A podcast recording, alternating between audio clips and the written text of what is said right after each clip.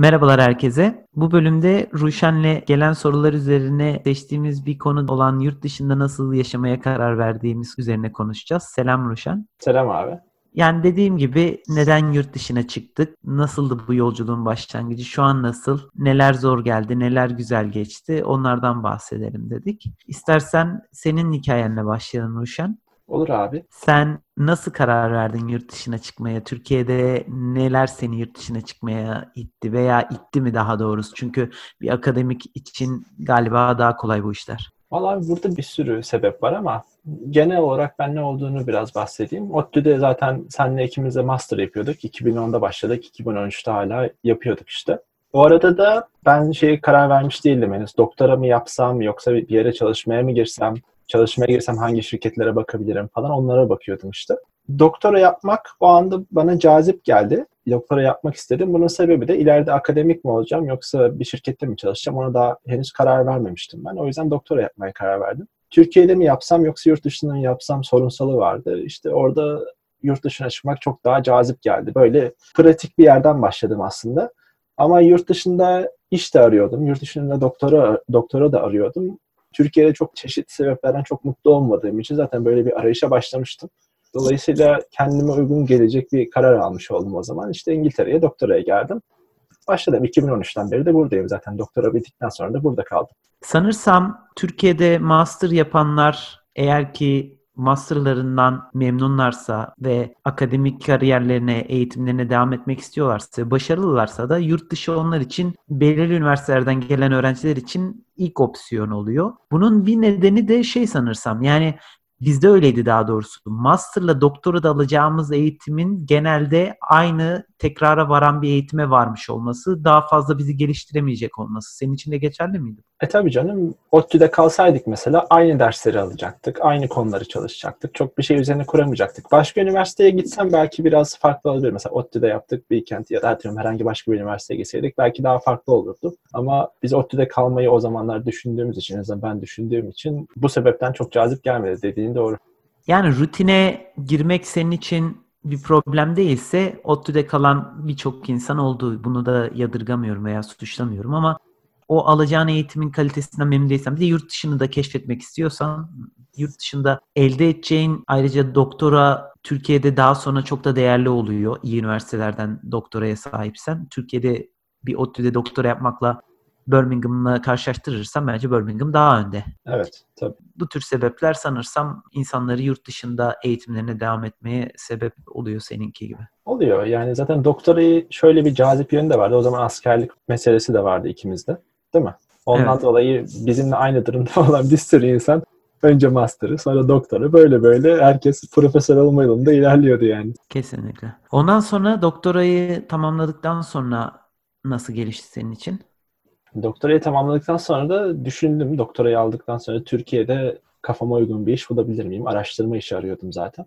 Bakma gereği bile duymadım açıkçası. Çünkü Türkiye'de çalışmayı hiçbir şekilde kötü bulmuyorum. Ben sadece kendi açımdan konuşuyorum senin de dediğin gibi. Ama kendime uygun pek bir iş bulamayacağımı düşündüm. Bir de genel problemler var. Onları zaten konuşuruz. Böyle rahat bir ortamdan çok daha endişeli olacağım bir ortama girmek istemedim açıkçası. Anladım. Bunun çeşitli sebeplerinden birisi bu. Diğer bir sebebi de ekonomik koşullar da olabilir. Sonuçta evet. sen bir şirkette çalışan olarak devam etmek istedin. Türkiye'de buna devam etseydin alacağın maaş ve maaştan da öte yaşayacağın koşullar buna itiyor insanı ve yani eğer mutluysan yaşadığın yerden orada devam etmek istiyorsun. Aynen zaten bir yere geldikten sonra bir şekilde bir hayat kuruyorsun burada. Bana da öyle oldu. Ondan sonra geri dönmek için ekstra bir istek lazım Türkiye'ye dönmek için. Öyle bir de, öyle de bir istek şu anda yok. İleride dönmeyi düşünüyorum açıkçası ama şu anda en azından öyle bir isteğim yok. Yani dönenler bazen işte doktora yaptıktan sonra doktoranın yeterli olacağı üniversitelerde öğretim görevlisi olarak başlayabiliyorlar. Bu bir neden oluyor.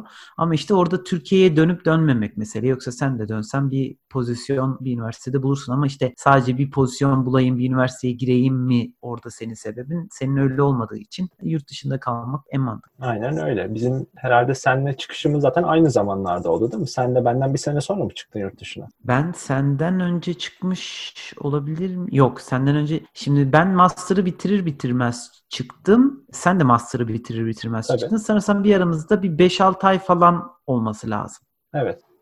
E, ben master'ı bitirdikten sonra çıktım. Çıkma nedenim benim doktora değildi. 2-3 sebebim vardı. Bir yurt dışında çalışmak istiyordum. Bir kız arkadaşım yurt dışında doktoraya başlıyordu Londra'da. E, bir de yani işte Londra hep bizim için en sevdiğimiz şehirdi, yaşamak istediğimiz şehir. Bu sebeple bundan öte daha güzel bir sebep olmaz deyip Londra'ya gitme kararı aldım. Ama ben bir iş ayarlamadan gittim. Bir şey ayarlamadan. Turistik vizeyle gittim. Sen geldin Sonra, burada, bir, burada iş aradın değil mi ondan sonra? Ya bir iki üç ay kendi işimi yapmaya çalıştığım saçma bir dönem oldu. Belki 2-3 aydan biraz daha fazla sürmüş olabilir. Sonra dedim ki ben bunu yapamayacağım. İş aramaya başladım. İş aramaya başladıktan sonra orada işte sponsorluk gibi kavramlarla yeni tanışıyorsun. Neyse sponsorluk sağlayacak bir şirket buldum ama çok beğenmedim, reddettim. Daha sonra bir İngiliz birisiyle tanıştım. Bir iş ilanı üzerinden tanıştım. Bir şirkette çalışandı. O da kendi işini kurmak istediğini, parası olduğunu, beni ortak olarak almayı istediğini falan söyledi. Daha doğrusu ortak değil de belli bir hisse ve maaş üzerinden. Sonra kendi işimi yapmak bir startupta vesaire bana mantıklı geldi ve cehaletle de adamı sevdim ve kabul ettim. O arada tam işte başka bir şirketten yine bir teklif almıştım. O bu arada aldığım teklif ilk şirkette mesela çeşitli teknik normalde olması gerektiği gibi çeşitli teknik mülakatlar üzerinden değil fakat bu sonradan aldığım teklif şimdi şöyle bir iş teklifi aldım reddettim. Bir ortak bulduğum gibi bir durum oldu. Bir daha bir iş teklifi aldım. Bu iş ikinci iş teklifi aldığım firma Türk ağırlıklı bir firmaydı ve maaşı diğer şirketlerin teklif ettiklerinin %50 üzerindeydi. Aha, tam tam red flag abi bu. Aynen. Tam ama bayağıdır da operasyon gösteren o, piyasada var olan bir şirketti ama. Yazılımcılarının çoğu Türk, bahis sektörü üzerine bir firmaydı. Ve yani direkt benim ODTÜ bilgisayar mezun olmamın yeterli olduğunu görüp hiç teknik mülakata bile girmeden tamam dediler sana maaş teklifimiz bu. Yar, yarın başta. Öteki Abi, gün geldim. Öteki gün gittim işte başladım vesaire. Sonra Ama bu bir gün sponsorluk durumu nasıldı? İşte o ara şöyle olacaktı. Ben iş yerinde başladım. Şeyler imzalandı. Sonra Ankara Anlaşması'na başvurmaya Türkiye'ye gidecektim. Türkiye'den Aha. uzaktan çalışacaktım. Ankara Anlaşması'nı aldıktan sonra gelip İngiltere'de geri aynı işte devam edecek. Anladım abi. Neyse ben bir gün çalıştım şirkette. İlk günün sonunda, ikinci günde dedim ki ben kendi işimi yapmak istiyorum. Diğer şeye döneceğim herife döneceğim. Bu sebeple işi de çok sevmedim. Çok fazla Türk var vesaire diye. Yani ama maaşı yani o, o, o işi sonra reddettikten sonra o kadar üzüldüm ki. Buğra dinleyiciler için söyleyeyim. Buğra pasa söylendi bu konuda. Senelerce. Aynen.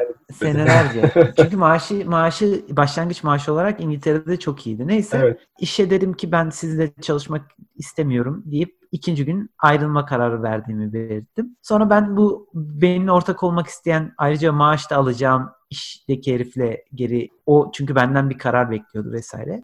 Sonra herifle oturduk başladık falan. Sonra 2-3 gün sonra herif dedi ki ben devam edemeyeceğim buna maddi koşullarım el vermiyor. Bu sebeple işte seni biraz yanılttım falan filan deyip herif beni ortada bıraktı.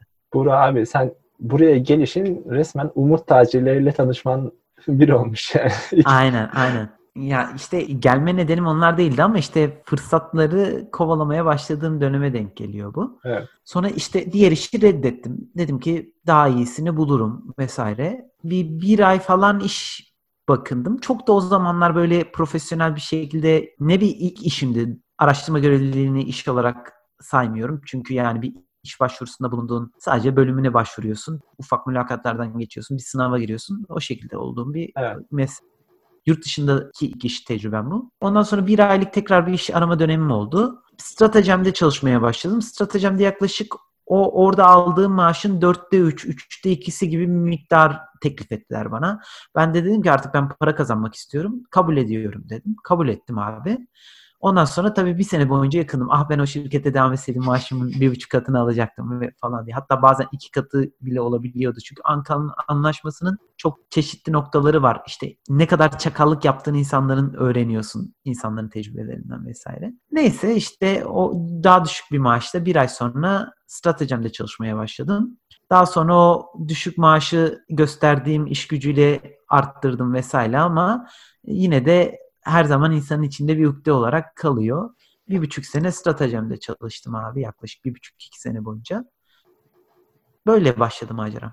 Senin bu Türkiye'lilerin olduğu şeyde iş yerinde sıkıntı olabilirdi yani ileride. Belki o kadar içine, içine oturmaması lazım bence. Çünkü çok sağlam pabuç gibi gelmiyorlar bana. Ya ben o herifleri şimdi benim e, stratejimde aynı iş bölgesinde, aynı semtte daha doğrusu ofisi aynı semtteydi. Ve o adamları birkaç kez gördüm işin açıkçası tren istasyonunda falan. Yani bir sene Hı. boyunca ben orada çalışmaya devam ettiklerini gördüm. Ama ya ne gibi sıkıntı çıkabilir? Ya sonuçta Ankara Anlaşması ile çalışan binlerce adam var Londra'da. Yani e, tabii ki yani bir büyük bir ofis, büyük bir şirket değil ve Ankara Anlaşması ile çalıştırıyor. Türk fazla. Yani ben mesela stratejimde edindiğim tecrübeleri her zaman iyiye yormaya çalışıyorum o sebeple. Yani sonuçta Türklerin arasında çalışmakla iki sene boyunca yabancıların arasında çalışmak e, benim için çok çok farklı tecrübeler ve istemezdim yani Türklerin arasında çalışmak. Ya o şirkette de yabancılar vardı ama yazılım ekibi full Türktü. Yani yurt dışına çıkmışsın neden Türklerin olduğu. Ha bir iki tane Türk olsa eyvallah da hepsinin Türk olması biraz sıkıntı bir durum. Hiç gitmemiş gibi olacaktın. Hem İngilizcen de gelişmeyecekti muhtemelen orada çalıştığın için. Gün içinde konuşmana gerek yok çünkü sadece eve gidiyorsun tabii evde de nazlı. Yani gün içinde Aynen. hiç konuşmadan İngilizceyi geçecektin abi böyle. O yüzden İngilizce İngilizce konuşacağın bir yerde çalışmak iyi olmuş bence senin için. Kesinlikle kesinlikle. Gerçi stratejimde de bazı dönemlerde günü hiç konuşmadan bitirdiğimiz bir yerimizden terler döktüren günler geçiriyorduk yoğunluktan. Sonuçta küçük bir startuptı. Bir de çok sosyal de bir ortam yoktu işin açıkçası stratejimiz son dönemlerinde. Ama başlangıçta şirketin ilk 10-12 kişisinden falan birisiydim ben ve yani bayağı bir çaba gösterip bir şeyler ortaya çıkarmaya çalışıyorduk. Daha sonra da bu çabaların çok da bir işe yaramadığını gördüm. Yani daha doğrusu gerçi ben ayrıldım şirketten hisselerimi falan bırakıp ama biraz yani o tür küçük startuplarda fazla da emek göstermenin biraz boş olduğunu görüyorsun. Evet ama bu kazandığım bir tecrübe abi. Buna olumsuz bir şekilde bakmamak lazım şimdi. E, Tabii tabii sende de aynısı oldu mesela. Sana da ben Aynen. aynısını söylüyordum. Sakın abi küçük startup'a girip de kendini harap etme diye. Ama sen Evet. de onu yapmadan, tecrübe etmeden anlamadın. Onu zaten ben sana söylüyordum. Bu sebeple insan tecrübe etmesi ayrı bir şey. Abi bu tarz şeyler hatta hayatta pek çok şey kendin yaşamayınca kimseden öğrenemiyorsun. Yani duyuyorsun böyle tamam diyorsun anladım falan diyorsun ama bunu içinde hissetmen lazım o duyguyu. O mesela benim benim de yaşadığım yaptıklarının bir işe yaramadığı hissi, takdir görmeme hissi bunu derinden hissedince insan anlıyor. Bir türlü sen söyle söylüyordun mesela o zaman ben anlıyordum ama bir kulağından girip diğerinden çıkıyordu aslında. O yüzden o deneyime ben kötü bir şekilde bakmıyorum şu an. Doğru kesinlikle. Gerekliydi bence. Ya 10 defa okusan aynı şeyleri ya da duysan bir anlam ifade etmiyor. Bir deneyime bakıyor sadece. Aynen öyle. Peki şeyi sorayım sana. ODTÜ'den ya da mesela Ankara'dan, Türkiye'den ayrılmak için daha şey bir sebeplerin var mıydı? Daha kişisel ya da ya da mesela sadece iş miydi sebep ya da sadece Londra'da yaşamak mıydı gitme sebebi? Ya en büyük sebebim kız arkadaşımın yurt dışında doktoraya karar vermesiydi ve ben biraz rutin adamıydım o ara. Beni bıraksam ben Ankara'da kalabilirdim abi. Ama mutlu olur muydum bilmiyorum. İşte rutin denen şey mut- mutluluğa denk değil ya. Ama mutlu Evet. olduğunu zannediyorsun aslında çok mutlu değilsin ya. Yani bir rutin var Ankara'da ve çok kolay bir ortam. Güzel bir ortam. Ama gerçi son zamanlarda dağılmaya başlayan bir ortamımız vardı. Yani işte insanların ayrılması. Yani mesela belki arka planda senin diğer insanların falan yurt dışında başka şehirlere gitmesi de bir nedendir. Ama işte en önemli nedenlerden birisi kız arkadaşımın doktoraya gitmesiydi. Anladım. En önemli sebep oydu. Bu arada burada bir reklam girelim mi? Aslında en başında yapacaktık ama ilk şeyimiz olacak. Reklam derken kendi reklamımızı yapmaya çalışacağız. Aynen. Ya şeyi fark ettik biz şimdi 20 bölüm çektik ve bu 20 bölüm boyunca hiç yani genelde bunu YouTuber'lar yapıyor da podcast'lerde de olan bir şey bu. Bayağı da böyle seven dinleyen olduğunu fark ediyoruz bu ara işte gelen mesajlardan, maillerden. Yani burada küçük bir isteğimiz olacak. Podcast'i sevdiyseniz tanıdıklarınızla, etrafınızla paylaşırsanız çok mutlu oluruz. Ve bunu sosyal medyada da biz daha sık yapmaya çalışacağız. İşte bir web sitemiz var çok fazla umursamadığımız ama onu daha çok datayla doldurup daha paylaşılabilir duruma getirmek olsun. Çeşitli paylaşım platformlarında daha aktif olmak olsun. Biz de elimizden gelenin en iyisini yapacağız ama sizden de isteğimiz eğer seviyorsanız bizi mutlaka paylaşın. Eğer bizi beğeniyorsanız, seviyorsanız arkadaşlarınızla, tanıdıklarınızla paylaşabilirseniz çok memnun oluruz. Mesela aranızda ek sözlük yazarı varsa, biz ikimiz de ek sözlük yazarı değiliz mesela. Ek sözlük yazarı olan varsa bir post atsın mesela. İki Yabancı diye bir podcast var diye. O zaten en kralı olur. Ama bu kadar büyük şeylere de girişmeden küçük rollerde de bulunabilirsiniz arkadaşlar. Deyip konumuza dönelim. Aynen konuya dönelim abi. Çok dağıtmadan. Benim için işte en büyük sebep şu anki eşim o zamanki kız arkadaşımın çıkmasıydı. Ankara'da kendi habitatımızda mutluyduk ama o mutluluk giderek düşüyordu. Bu senin için nasıldır Uşan? Peki şeyi sorayım bana geçmeden. Diyelim ki kız arkadaşın Çorum'a gitseydi. Yani bu çok... Aynı. E, Aynı memnuniyetle gider miydin ya? Bir de Türkiye'nin herhangi başka bir yerine gitse. İstanbul'a diyelim tamam. Mesela aynı memnuniyetle gider miydin? Abi yani küçük bir şehirde olsaydı vesaire gider miydim bilmiyorum da Londra olması sonuçta burada en büyük cazip noktaydı benim için. E, İkimiz de Londra'da yaşamak istiyorduk ama yani o zamanki hayattan beklentilerimiz, isteklerimiz doğrultusunda bunu Türkiye'de başka bir şehir için yapmazdık. Avrupa'da da zaten doktoraya gidebileceği Nazlı'nın birkaç yer vardı. Daha doğrusu istediği. Bunlardan birisi RCA'ydi. Ro- Royal College of Art'tı. E Londra olunca hemen koşa koşa gittik abi. Güzel. Ama yani Çorum'a da gitmezdik. Sorun öylece ya. E, Nazlı gitmezdi yani en başında. O yüzden ben de gitmezdim. Tamam peki. Onun haricinde sana dönecek olursak bu konuda. Sonrasında senin için nasıl gitti? Şu an memnun musun bu kararından? Ya memnunum ben burada buraya gelme kararımdan ki zaten doktoradan sonra burada kaldım. Böyle bir sürü şey sebebi var aslında. Teknik sebepleri var işte iş mesela burada çok daha güzel işler bulabiliyorum. En azından çok daha güzel derken bana daha uygun işler, araştırma işleri bulabiliyorum. Öyle bir şey var. Bir üniversitede hoca olmak istemiyorum. Zaten şirkete çalışmak istiyorum. Dolayısıyla burada kalmak daha uygun. Startup komünitesi Londra'da çok çok büyük. İleride bir startup kurma planım olduğu için burası daha uygun bana. Senin de zaten Londra'ya gelmede böyle bir motivasyonun vardı zamanında biliyorum. Ama herhalde şu anda en memnun olduğum, en rahat olduğum kısım günlük hayata dair şeyler. Nedir? Belli belli standartların olması. Örneğin ifa- ifade özgürlüğü konusunda İngil- İngiltere'nin çok çok üst düzey bir yerde olması. İnsanların başına geldiğini duyuyorsun. İşte tweet attığı için tutuklanan falan insanlar. İnsan acaba diye bir korkuyor, çekiniyor. Burada o tarz korkular pek yok bu tarz şeylerle uğraşmıyorsun. Daha daha farklı dertler var. Yani siyasetin gündemine falan bakıyorsun burada çok daha az agresif konular var mesela olan. Nedir? Brexit konuşuluyor kaç zamandır ama öyle bir kavga ortamı çok fazla yok. Daha çok bir tartışma ortamı şeklinde dönüyor. Dolayısıyla günlük hayattaki bu tarz şeylerde agresifliğin çok daha az olması insana biraz daha dinginlik veriyor. Farklı şeylere odaklanabiliyorsun. Daha çok kendine dair şeylere odaklanabiliyorsun istersen. Öyle bir avantajı var. Türkiye'de gündem, gündem çok hızlı aktığı için, çok fazla şey olduğu için bence bu bayağı insanın zamanından çalan bir şey, e, enerjisinden çalan bir şey. Herhalde onun biraz rahatlığını yaşıyorum şu anda. Benim için bu sebep geçerli abi. Yani Londra'ya giderken geçerli değildi ama Londra'ya gittikten sonra Türkiye'deki duruma bir yandan dışarıdan bakarak üzülmem ve canımın sıkılması ama bir yandan da kendi refah ve mutluluğumu düşünürsem ben burada daha huzurlu hissediyorum demek, diyebilmek benim için en büyük nedenlerden birisiydi. Onun haricinde Londra bizim için, ikimiz için Nazlı'yla yani sosyal aktiviteler olsun. Mesela ben müzikal severim, Nazlı bayılır. Ben tiyatroları daha çok severim mesela. Onun haricinde ikimiz de opera sevmiyoruz ama en azından bir iki kez denedik operayı falan.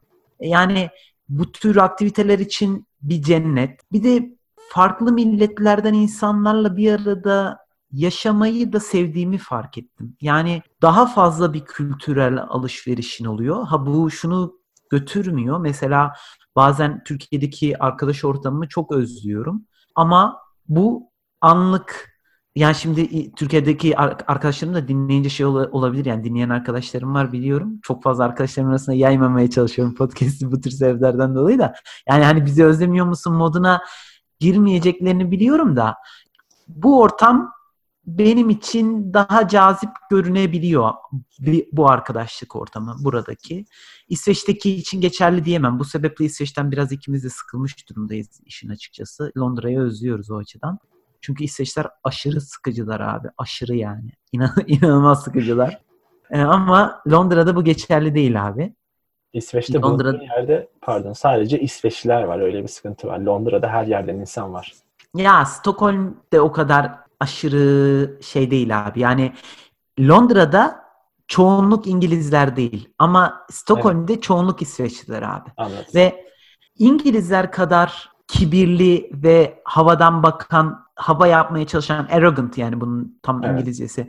insanlar değiller. Hatta çok aşırı mütevaziler.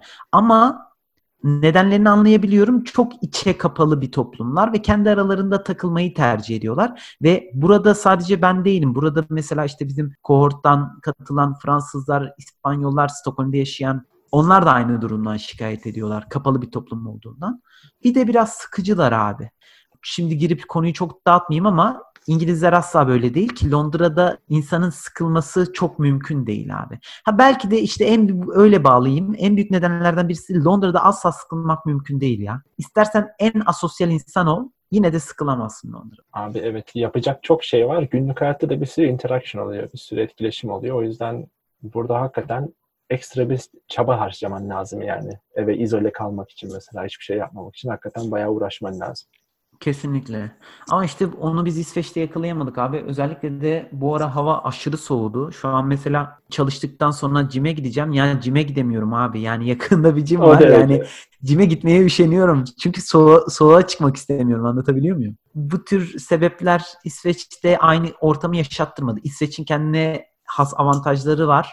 Çok büyük avantajlar. Secure hissetmek, güvenli hissetmek. Bunları önceki Evet. bölümlerde de bahsettik biraz ama inanılmaz bir hissiyat bu. Ama işte her şey değil abi. Bazen hayatın heyecanı hatta çoğunlukla bunların önüne geçiyor abi. E tabii abi sen büyük şehirlerde yaşadın bundan önce. Ankara olsun, Londra olsun. Şimdi kaç yüz bin kişilik yerdesin? Bir 100 bin kişilik, 100, o 150 bin nüfuslu bir yerdeyim abi. O bayağı bir büyük bir değişiklik yani. Aynen ama işte Stockholm'de geçirdim son 2-2,5 ayı. Git gelli bir şekilde biliyorsun. Ve Stockholm'de çok iç açıcı bir şehir değil ya. Bunun neden en büyük nedenlerinden birisi ya bu toplum böyle oluşmuş. Çünkü soğuk bir etken abi. Geçtiğimiz sene soğuk bu kadar hissedilmiyordu ama bu sene aşırı hissediliyor. Geçtiğimiz sene de yaklaşık aynı aylarda geldik. Şu an birinci seneyi dolduruyoruz burada. Ben bunun ilk birkaç ayını Londra'da geçirmiştim. Ee, soğuk bu kadar problem değildi ama şu an Türkiye'yi falan görüyorum. 20 derece, 25 derece hava sıcaklıkları. Biz burada bu soğukla yapamıyoruz ya. Hacı Londra'da da yapamazdım. Burada da sabahları erken çıkıyorum mesela bu ara. 2-3 derece falan sabahları. Burada da bayağı soğudu havalar. Türkiye gibi değil yani. Abi değil tabii ki değil ama işte ha buranın güzel noktalarından birisi şu çok fazla uçakla uçmamaya çalışıyoruz bu çevresel nedenlerden dolayı. Yani en azından buna dikkat etmeye çalışıyoruz öyle söyleyeyim. Güzel Trenle gidilebiliyorsa trenle gitmeye çalışıyoruz abi. Ama bu ne kadar etkili oldu bilmiyorum. Yani ben bazen kendimi Nazlı kadar bu konularda hassas bulmadığım için dürüst olmak gerekirse. Ha burada işte Kivizen'le Avrupa ülkelerine çok rahat gidebiliyorsun trenle ve uçakla. Her hafta sonunu bir yerde geçirebilirsin ama bu bu tür soğuk, sıkıcılık gibi durumlardan ne kadar kalıcı bir çözüm sağlar? Orası tartışılır. Avrupa'nın be- belli ülkeleri böyle çok sıkıcı geliyor bana. Zaten insanlar da böyle söylüyor. İsveç, Norveç olabilir, İsviçre olabilir. Abi akşam her şey 9'da kapanıyor memlekette. Yani ondan sonra hayat yok. Orası da ben mi bilmiyorum orası da öyle mi biraz ama. E, Burada yani genelde hayat yok zaten ama evet dediğin gibi belli bir saatten sonra evet. Ya insanlar evlerinde kalmayı bu yüzden yok. IKEA falan bu yüzden şey olmuş olabilir. Evlerini çok seviyorlar abi Evet. ve evleri de yaşamaktan mutlular yani. Burak çok güzel bir analiz yaptın. Ikea neden bu İsveç'ten çıkmış? Evlerine o kadar ö- önem gösteriyorlar ki. Evet abi yani Olabilir. bu, bu olabilir ya nedenle. Olabilir. E, En büyük nedenlerinden bir tanesi. Onun haricinde konumuza dönecek olursak bu İsveç'in sıkıcılığı üzerine de olmazsa gereksiz bir bölüm çekeriz bir tane de. İsveç halka üzerine öyle analizlerim var ki Ruşen. Ya bu analizleri herkes yapıyor da ya İngiliz halkı üzerine bu kadar yapamazsın. Çünkü çok karakteristik bir toplum ve İsveç çok mi? evet abi yani İngiltere'den sonra ya İngiltere'de çünkü karakter belirleyemiyorsun. Londra'da yaşadığım için Londra'da bir tipik bir insan karakteri yok. Sadece İngilizleri işte kibirli olmakla, insanlara üstten bakmakla falan suçlayabilirsin vesaire bazı insan yapılarını. Ama İsveçlilerin belli bir karakteri var abi ve çok bu karakteri böyle 8-10 maddeye sığdırabilirsin. Çok değişik bir toplum. Aynen öyle. Londra'nın o yönünü de bayağı seviyorum aslında. Burada benim kalmak, son özellikle Birmingham'dan buraya taşınmak biraz ufkumu geliştirdi diyebilirim. Mesela insanın en azından bende belli daha önce farkında olmadığım rahatsızlık veren şeyler oluyor. Atıyorum şey örneği vereyim. Önünde bir gay çift öpüşüyor. Bu normalde hmm. benim bana sorsan mesela hiç hiç rahatsız olma, olmayacağım bir şey. Ben konuşuruz bunu mesela. Ama ben buraya memlekete ilk geldiğimde homofobik bir insan ol, olmamama rağmen ya da ol, öyle olmadığımı düşünmeme rağmen alışkın olmadığım için beni rahatsız ediyordu ilk başta. Böyle ufak bir rahatsızlık hissi veriyordu. Kimseye söylemiyordum bunu falan ama böyle bir şey vardı. Bu tarz ufak tefek şeyleri fark ediyorum. Bazı tip insanlara gıcık olduğumu falan mesela. Onları yavaş hmm. yavaş yenme, yenmeye başladım. Bu da bu tarz şeyleri yenmek açısından bunu anca gidip yaşayarak görebiliyorsun kendinde. E tabii sonuçta farklı bir tecrübe abi. Yani her ne kadar aynen homofobik değilim desen acaba gizli homofobik misin? Bilmiyorum abi. İnşallah değilimdir. aynen yaşayarak öğrenmek en güzeli abi. Evet. Böyle böyle fark kendin kendinle ilgili şeyler de fark ediyorsun. Böylece bunların üzerine çalışma şansın oluyor ondan sonra. İyi bir e şey. Peki o zaman yavaş yavaş süremizin sonuna geleceğiz. Toparlayalım. Bunun üzerine daha da konuşuruz aslında. Mutsuz olduğun noktalar var mı veya özlediğin noktalar? Özlediğim nokta en çok özlediğim nokta arkadaş ortamı herhalde. Türkiye'de çok daha samimi bir arkadaş ortamım vardı. Sen ne olsun başka insanlarla olsun. Şu anda öyle bir şey kuramadım burada. Belki bu benim beceriksizliğim olabilir ama ben genel olarak böyle bir şeyin daha zor olduğunu düşünüyorum. Ki bunu kurmak için belli milletlerden insanları bulman gereke- gerekebiliyor. Belli milletin belli karakterleri var. Yani herkese uymuyor. Dolayısıyla doğru şeyleri seçmen lazım. O da biraz zaman alıyor ve ne oluyor? İnsanlar geliyor buraya bir sene kalıyor gidiyor mesela. Gelip oranı çok fazla. O yüzden biriyle tanışıyorsun, yaklaşıyorsun. Ya okulu okulu bitiriyor ya iş değiştiriyor, hemen gidiyor. O yüzden bayağı kurduktan sonra da kaybedebiliyorsun. Zor oluyor. Herhalde en büyük sıkıntısı bu benim için. Ben de aynısına katılıyorum. Bir de bunun en büyük nedeni abi ne kadar istersen iste kendi dilinden bir insanla kurduğun arkadaşlık diğer dillerden insanlarla arkadaşlıklarla tam aynı olmuyor abi. Aynen Veya öyle. aynı kültürden gelme meselesi de. Yani bir yerde o arkadaşlık mesela benim Londra'daki arkadaşlıklarım işte yakın toplumlar var buna. Mesela İtalyanları, evet. Yunanları ben katarım bu toplumlara. Onlarla gayet samimi olduğum noktalar oluyor. Baya böyle mesela dedikodu yapmak istiyorsun aynen, mesela. Aynen. O adam direkt hazır yani anlatabiliyor muyum? evet. Ama hazır. yani İngilizlerle özellikle falan bir yere kadar abi. Yani evet. iki bira içersin, üç bira içersin, orada muhabbet edersin ondan sonra bitmiştir abi iş. Yani gidip de evde mesajlaşmazsın yani anlatabiliyor muyum? Aynen. E, bu sebeple seninle aynı endişelere sahibim abi. E, aynı problemlere. Bir de benim için şey problem oluyor arada. Yemek abi. Türkiye'nin yemeği. Büyük problem. ya onu, onu, onu Londra'da daha rahat çözebiliyorsun. Ama işte İsveç'te çok mümkün olmuyor. Aynen. Bunun üzerine bayağı konuştuk zaten geçmiş bölümlerde. Bu, bu da büyük bir problem. Katılıyorum. E, ağzına sağlık o zaman. Bu Sizin konular üzerine sağlık. daha arada döneriz yani gelen feedbackler doğrultusunda. Ama sorular olmadıkça çok dönmeyiz. Kendi kişisel hayatımızdan, sıkıntılarımızdan. Mesela ben mesela şu an konuşmaya başladım. İsveç dertlerimi anlatmaya başlayınca susmak bilmedim abi. O yüzden burada da bir limit koymak lazım. İlgilenen olursa, sor, sorularımız olursa bunları cevaplayabiliriz ayrıca. Aynen. İyi bakalım. Ağzına sağlık abi. Ağzına sağlık. Görüşmek üzere. Hoşçakalın.